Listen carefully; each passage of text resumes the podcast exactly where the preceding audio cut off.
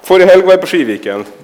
Og Det var helt fantastisk. Skiviken er mer enn ski. Eh, tydeligvis. Det visste ikke jeg før jeg for, så jeg hadde minimale forventninger til helga. Det var bare utrolig, utrolig kjekt. Eh, og Der traff jeg hun som er mellomleder for møtelederne her i MUF. Hun fortalte meg at de skulle ha samling på mandag. Så da ville de gjerne at jeg skulle skrive et eller annet eller komme på samlinga eh, og si noe om hvorfor MUF.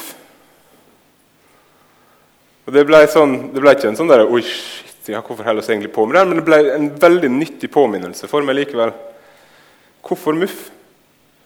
Hvorfor, hvorfor er du her i kveld? Hvorfor er du akkurat her? Er du her for å treffe Lars og Anders eller uh, Tina og Tove? Uh, er du her fordi det var vått og surt ute? Er du her fordi det er her du er venner? Er det her fordi du, det er her du håper å finne venner, eller håper å finne en, en kjæreste? Altså, ja, alle disse tingene er flotte ting, altså. Eh, men det er ikke derfor vi fins. Det er ikke derfor vi holder på med det her. Jeg får ikke betalt for å være sosialarbeider for dere. på en måte. Oss har en mye større ønske og så lyst til å gi dere mye mer enn bare en kopp kaffe og en trivelig prat. Og så lyst til å gi dere mye mer enn bare en, en hangout med vennene dine. Og så lyst til å gi dere et møte med Jesus. Det er derfor vi holder på med det her. Det er derfor MUF også ønsker å møte Gud gjennom lovsang, gjennom bønn, eh, gjennom forkynnelse sammen. Det er grunnen til at vi holder på. Jeg står ikke her den neste halvtimen for å underholde deg, for å gi deg et alternativ til hva det nå enn er som går på NRK akkurat nå. Jeg står her fordi jeg håper at jeg gjennom Guds ord skal gi deg et møte med Jesus. Visjonen til misjonssalen er oss ønsker å se mennesker forvandla ved Guds ord født på ny til et liv med Jesus Kristus. Derfor driver oss Misjonssalen. Og så ønsker å møte Jesus. Og så ønsker han å møte oss. Så Da var den lille ranten eh, unnagjort. Denne måneden er det to ting som har gjort meg ekstra takknemlig og ekstra eh, ja, Som har blitt gode for meg, rett og slett. Det ene det er at jeg har tenkt masse på bestefar, som døde i februar for sju år siden. Og når jeg tenker på den han var, og det han gjorde, eh, så blir jeg takknemlig. Det skal jeg komme tilbake til. Og Det andre som er blitt fantastisk for meg, det er det som er tema for talen i kveld. Så lenge det heter 'i dag', det uttrykket 'i dag'. Har du tenkt på at uansett hvor du er, si når du er, med hvem du er, hva du holder på med, så er det alltid 'i dag'? Og så vil Gud møte deg i dag i alle disse. Jeg skal lese, lese en ganske lang tekstbolk eh, fra Hebreerne 3 i dag. Eh, fra og med vers 3. Men Jesus ble verdig til å få større ære enn Moses, liksom en byggmester får større heder enn huset han bygger. Et hus må alltid være bygd av noen, men den som har bygd alt, det er Gud. Moses var trofast som tjener i hele Guds hus. Han skulle vitne om det som en gang skulle forkynnes. Men som sønn er Kristus satt til å styre huset hans. Og vi er hans hus, så sant vi holder fast på frimodigheten og det håpet som vi er stolt av. Derfor, som Den hellige ånd sier, i dag, om dere hører hans røst, så gjør ikke hjertet dere hardt, som under opprøret, den dagen de utfordra meg i ørkenen. Der utfordra de meg, fedrene deres, og satte meg på prøve, enda de hadde sett mine gjerninger i 40 år. Derfor fikk jeg avsky for denne slekta og sa:" De får alltid vil i sitt hjerte. De kjenner ikke mine veier. Så svor jeg i min vrede, aldri skal de komme inn til mi hvile. Se til, søsken, at ikke noen av dere blir vond og vantruende i hjertet og faller fra den levende Gud. Sett heller mot i hverandre hver dag så lenge det heter i dag, så ikke noen av dere skal la seg forføre av synda og bli forherda. For oss har del i Kristus, så sant oss helt til det siste holder fast på det grunnlaget som oss hadde i den første tida. Når det heter 'i dag, om dere hører Hans røst, så gjør ikke hjertet dere hardt', som under opprøret. Hvem var det da som hørte, men likevel gjorde opprør? Var det ikke alle de som Moses hadde ført ut fra Egypt? Hvem var det han hadde uvilje mot i 40 år? Var det ikke de som synda og ble liggende som lik i ørkenen? Og hvem var det eden gjaldt da han svor at de ikke skulle komme inn til hans hvile? Var det ikke de ulydige? Så ser oss at det var vantru som førte til at de ikke kunne komme inn. Kjære Jesus, takk for ditt ord til oss. Takk at vi skal få lese det, at vi skal få se det, kjenne det. Eh, så ser du det er en alvorlig tekst, men det er også en oppmuntringstekst. Jeg ber må du eh, hjelpe meg å formidle ditt ord på en god måte. Og så ber oss Jesus må oss få se deg. Kom, Hellige Ånd, åpenbar ordet for oss, vis oss Jesus. Far, hellig oss i sannhet, at ditt ord er sannhet. Amen.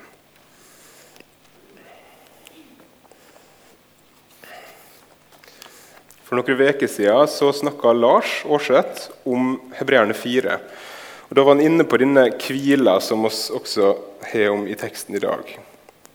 Om Guds hvile, om de som kommer inn, og så om de som ikke kommer inn.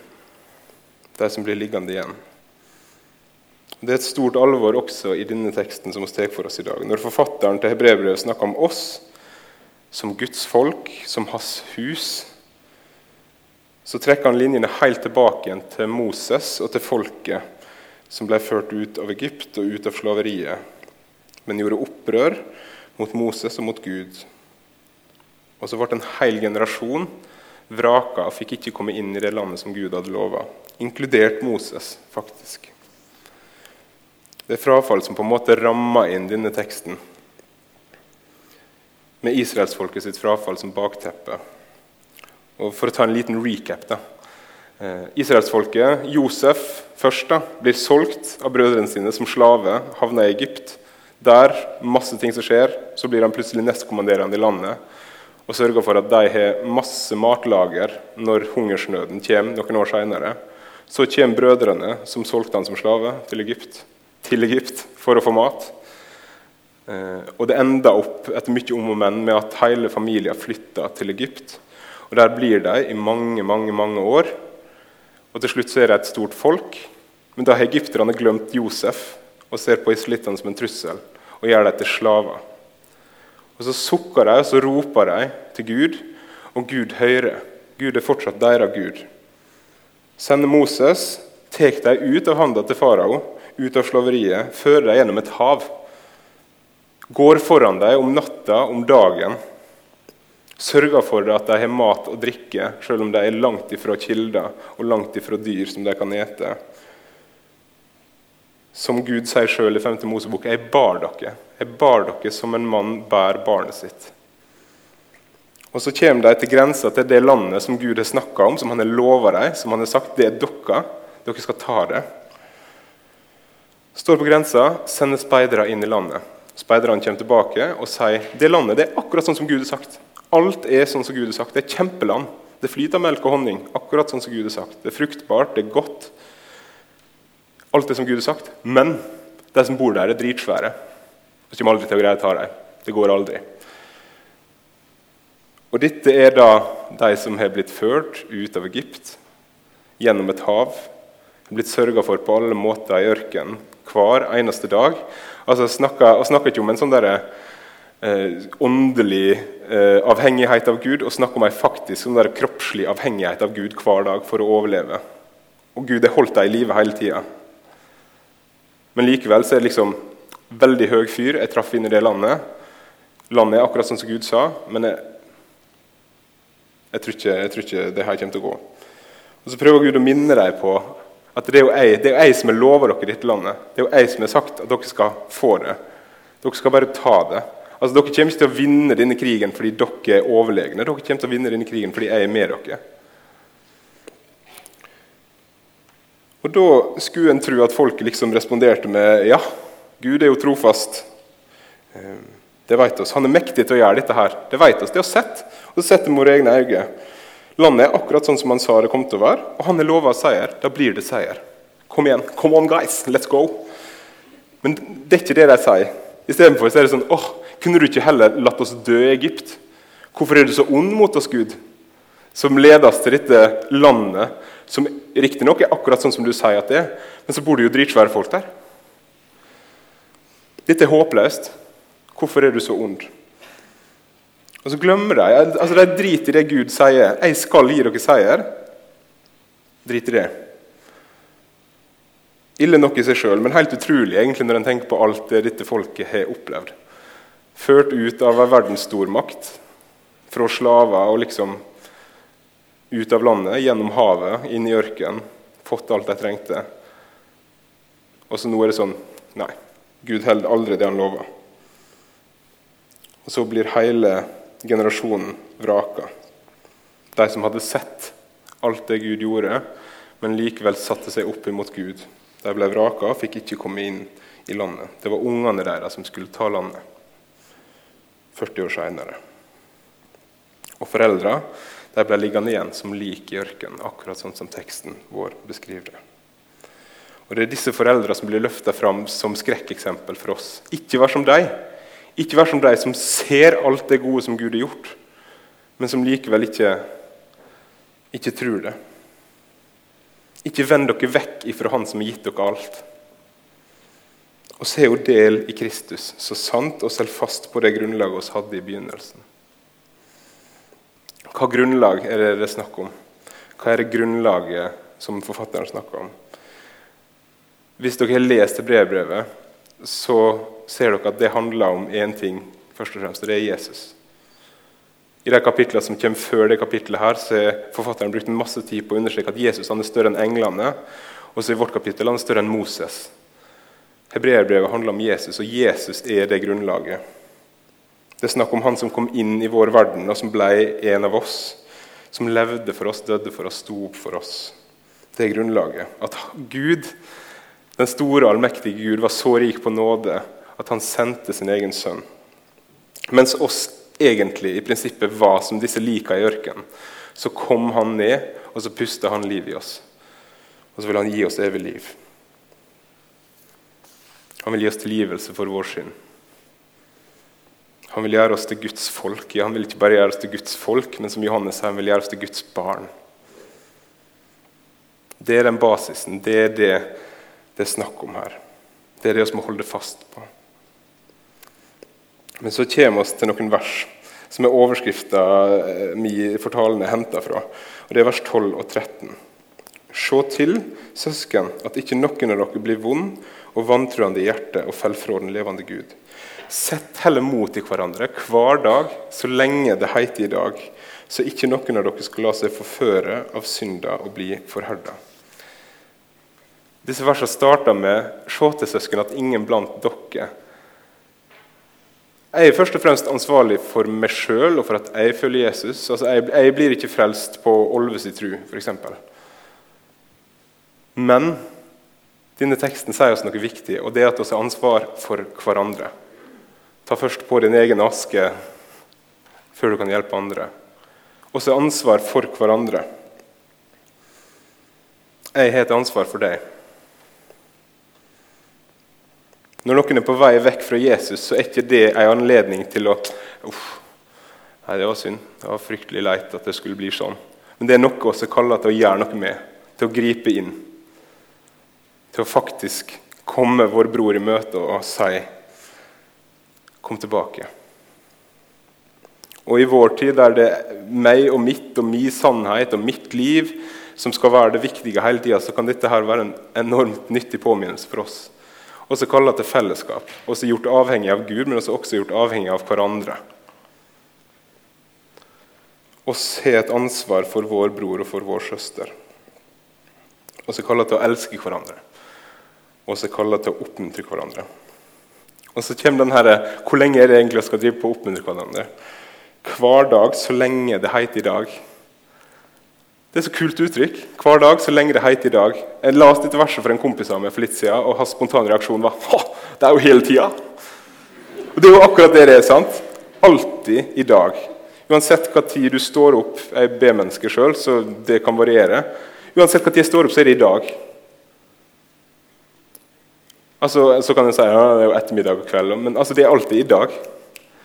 Når klokka slår midnatt, så begynner en ny dag. Det er ikke sånn at da, da er dagene ferdig. Jeg hørte nylig en forkynner som sa Djupest sett så eier jeg og du oss mennesker bare to ting. Det ene det er nå. Nå, nå, nå. Nå, fatter dere?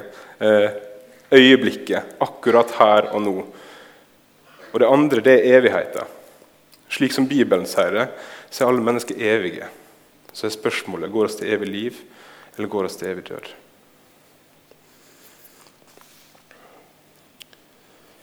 Uansett når det er på døgnet, uansett hvor jeg er, uansett hvem jeg er i lag med, så er det i dag. Og Det er alt jeg egentlig eier å kontrollere. Det er i dag. Det er nå. Det er egentlig, det er helt rått, men så er det også litt sånn der, det er et ansvar. Det er alvorlig. Jeg har aldri noe mer enn nå. Jeg eier ikke for fem minutter siden eller for ett år siden. Det er forbi. Jeg eier ikke om ti minutter, fordi jeg vet ikke om jeg kommer til å komme dit. Alt jeg vet, er nå.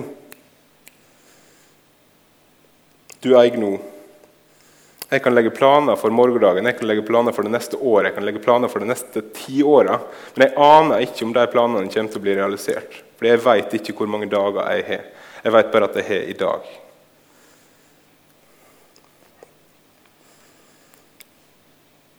Du kan oppmuntre din bror og din søster i dag. Og i morgen så kan det være for seint.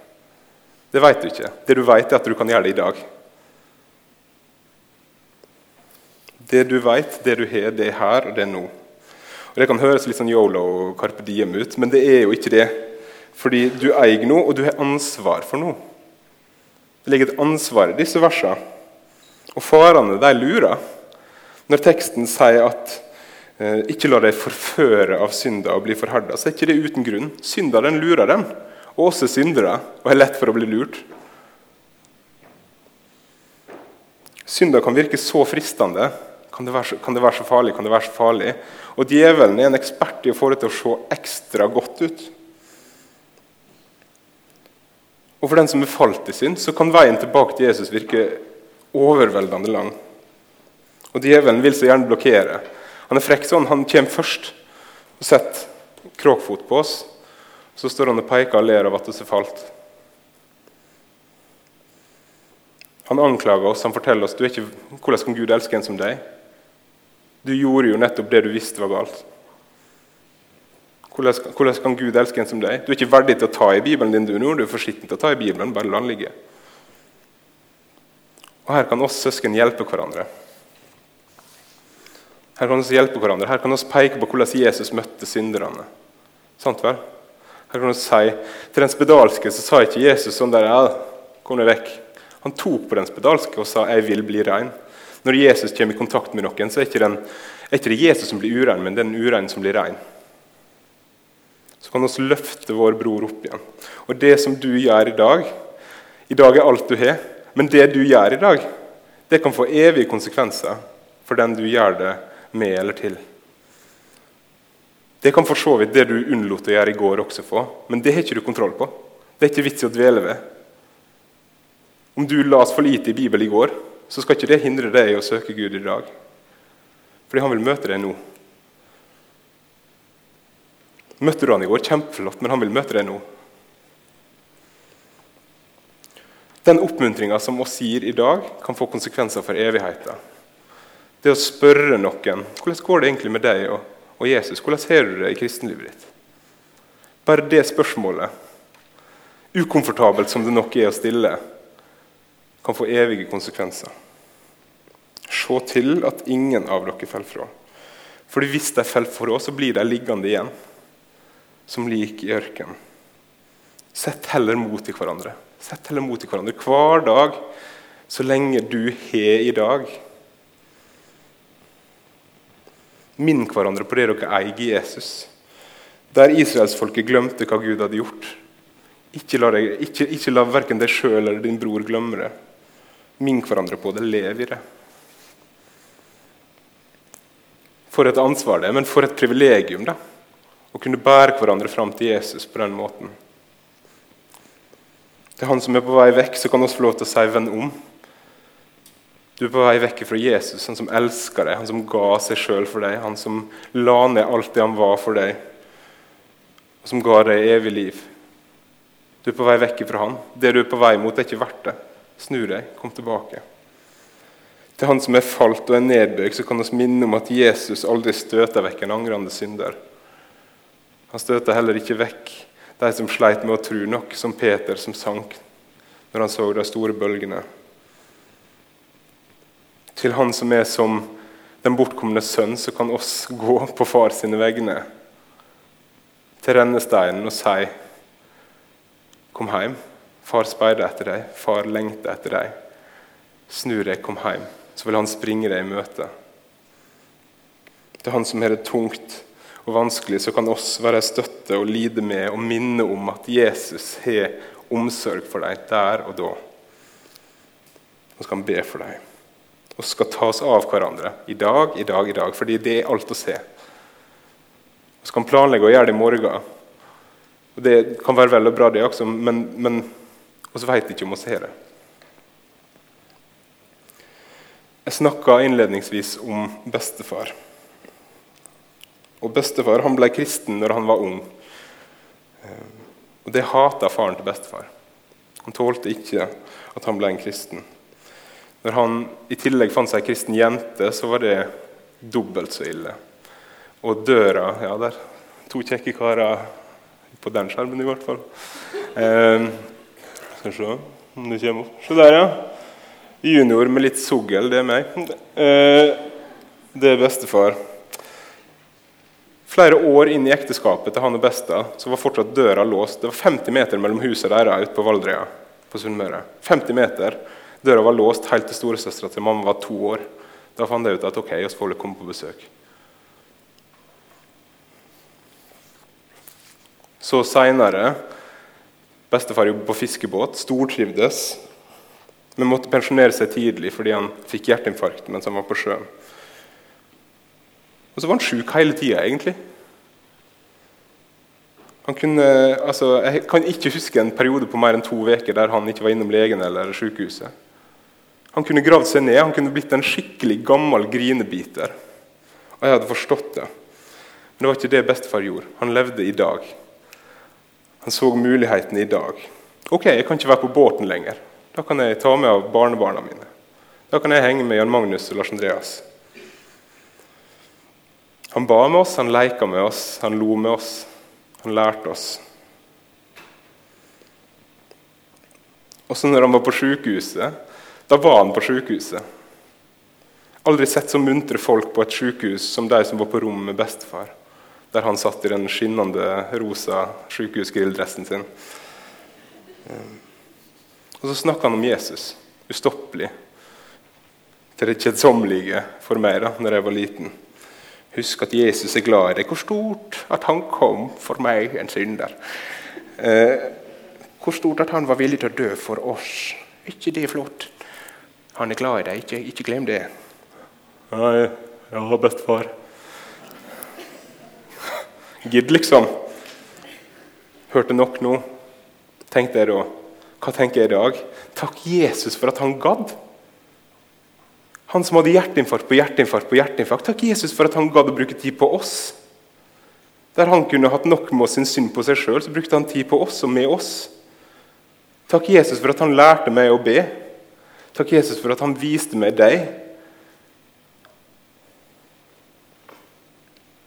Han levde hver dag i dag. I dag, i dag, i dag. Fordi han visste, han visste jo faktisk ikke om han hadde mer. Altså Svimte av ved frokostbordet. Men han levde og var i noe hele tida og tok ansvar for noe. Gjør jeg det? Ser jeg og tar jeg de mulighetene som jeg blir presentert for? Når jeg ser en bror i nød, slenger jeg livbøya til han, eller bare går jeg videre og tenker at noen andre kanskje gjør det? Leve oss nå, eller tenke oss at livet skal starte når utdannelsen er ferdig, eller du får deg kone, eller, eller du, du, får deg leilighet, eller du endelig skal flytte hjem til gården på Jæren, eller altså Fordi de tinga Du eier ikke dem nå. Du veit ikke om du skal eie dem heller. Og så er det fint å legge planer. Jeg har ikke noe imot å legge planer. Jeg legger masse planer sjøl. Men du lever nå. Det er noe du har ansvar for. Nå er du i Oslo. Hva gjør du med det? Med de du har rundt deg, med de du kan nå. Hva gjør du med det? Du er i Oslo nå. Kanskje for flere år, ikke veit jeg. Men hva gjør du med det? For det, det nytter ikke å leve i det som en gang skal bli. Ikke enda. Du eier i dag. Og Bibelen prøver å minne oss på det hele tida. At du, du, kan legge, du, kan legge, så mange fine planer du vil, men du aner ikke om du kommer dit. Det er bare Gud som veit. I Jakobs brev så står det om oss som liker å legge planer. Du er bare en røyk, synlig en liten stund, og så er du vekk. I Peters brev så står det du er som gresset og blomstene på marka, som spirer opp, og så visner du. Du aner ikke når høsten kommer.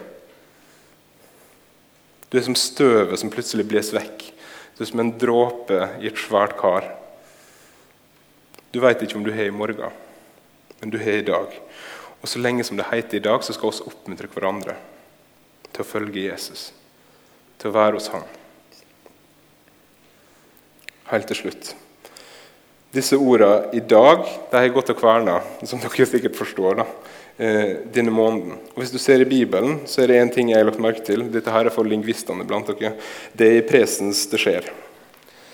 Litt sånn tørr grammatikkhumor. Tenkte det ikke kom til å funke. Men likevel viktig. Det er nå det skjer, hele tida. I teksten vår i dag, om du høres røst, så ikke gjør hjertet ditt hardt.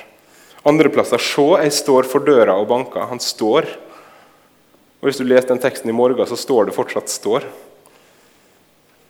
Kom du og følg meg. Det er nå. Det er nå det skjer. Jesus har lyst til å møte deg nå. Han er ikke langt vekke. Han vil møte deg nå. Han ønsker å møte deg nå. Det at Jesus døde for deg, det som skjedde da, men det er sant nå. Det er konsekvenser for livet ditt nå. Hans nåde er ny hver dag, og i dag også. Du som er snubla, eller du som ikke kjenner ham fra før, uansett hvem du er, så trenger du han nå. Og så vil han møte deg. Det er tilgivelse for deg i dag. Han vil møte deg med sin nåde, med sin tilgivelse, med sin omsorg, med sin kjærlighet nå. Midt i alt det du står i, så har Gud omsorg for deg nå. Han elsker deg nå. Gud er din far. Han kaller til og med seg sjøl for 'jeg er'. Han er i dag. Han hører i dag. Han hører de bønn i dag. Han gir i dag. Han har omsorg i dag. Han bryr seg nå. Han vil møte deg nå. Han vil møte deg akkurat nå, akkurat deg akkurat her. I hvert øyeblikk av hver dag så har han lyst til å møte deg. Han som har fått all makt i himmelen og på jorda. Han som kom, som gjorde alt som la ned hele sitt liv for oss. Han har lyst til å møte oss nå og nå og nå. Jeg skal takke. Kjære Jesus, takk at du vil møte oss. Takk at du er og vil være. Takk at du bryr deg om oss akkurat nå, i akkurat de utfordringene som oss står overfor. Ber om at du også må få være gode søsken for hverandre ber om at hvis vår bror er på vei vekk fra deg, at også da har omsorg nok til å spørre ham hvordan går det egentlig. At også er omsorg nok til å minne deg på hva de eier deg. Og så er jo del i deg. Vis oss hva det betyr, Jesus. Hjelp oss til å leve eh, livet her og nå. Hjelp oss til å se mulighetene, hjelp oss til å ta ansvar for det livet oss lever. La oss drømme, men la oss ikke drømme oss vekk. Vis det for oss igjen og igjen, og vis igjen og igjen hvor glad du er i oss. Vis oss igjen og igjen at du døde for oss. Vis oss igjen og igjen at du lever i dag og er med oss og bryr deg om oss og går i forbønn for oss, Jesus. Takk for den du er. Takk for det du har gitt oss. Hjelp oss å leve i det, så vi ikke blir liggende igjen. I ditt navn. Amen.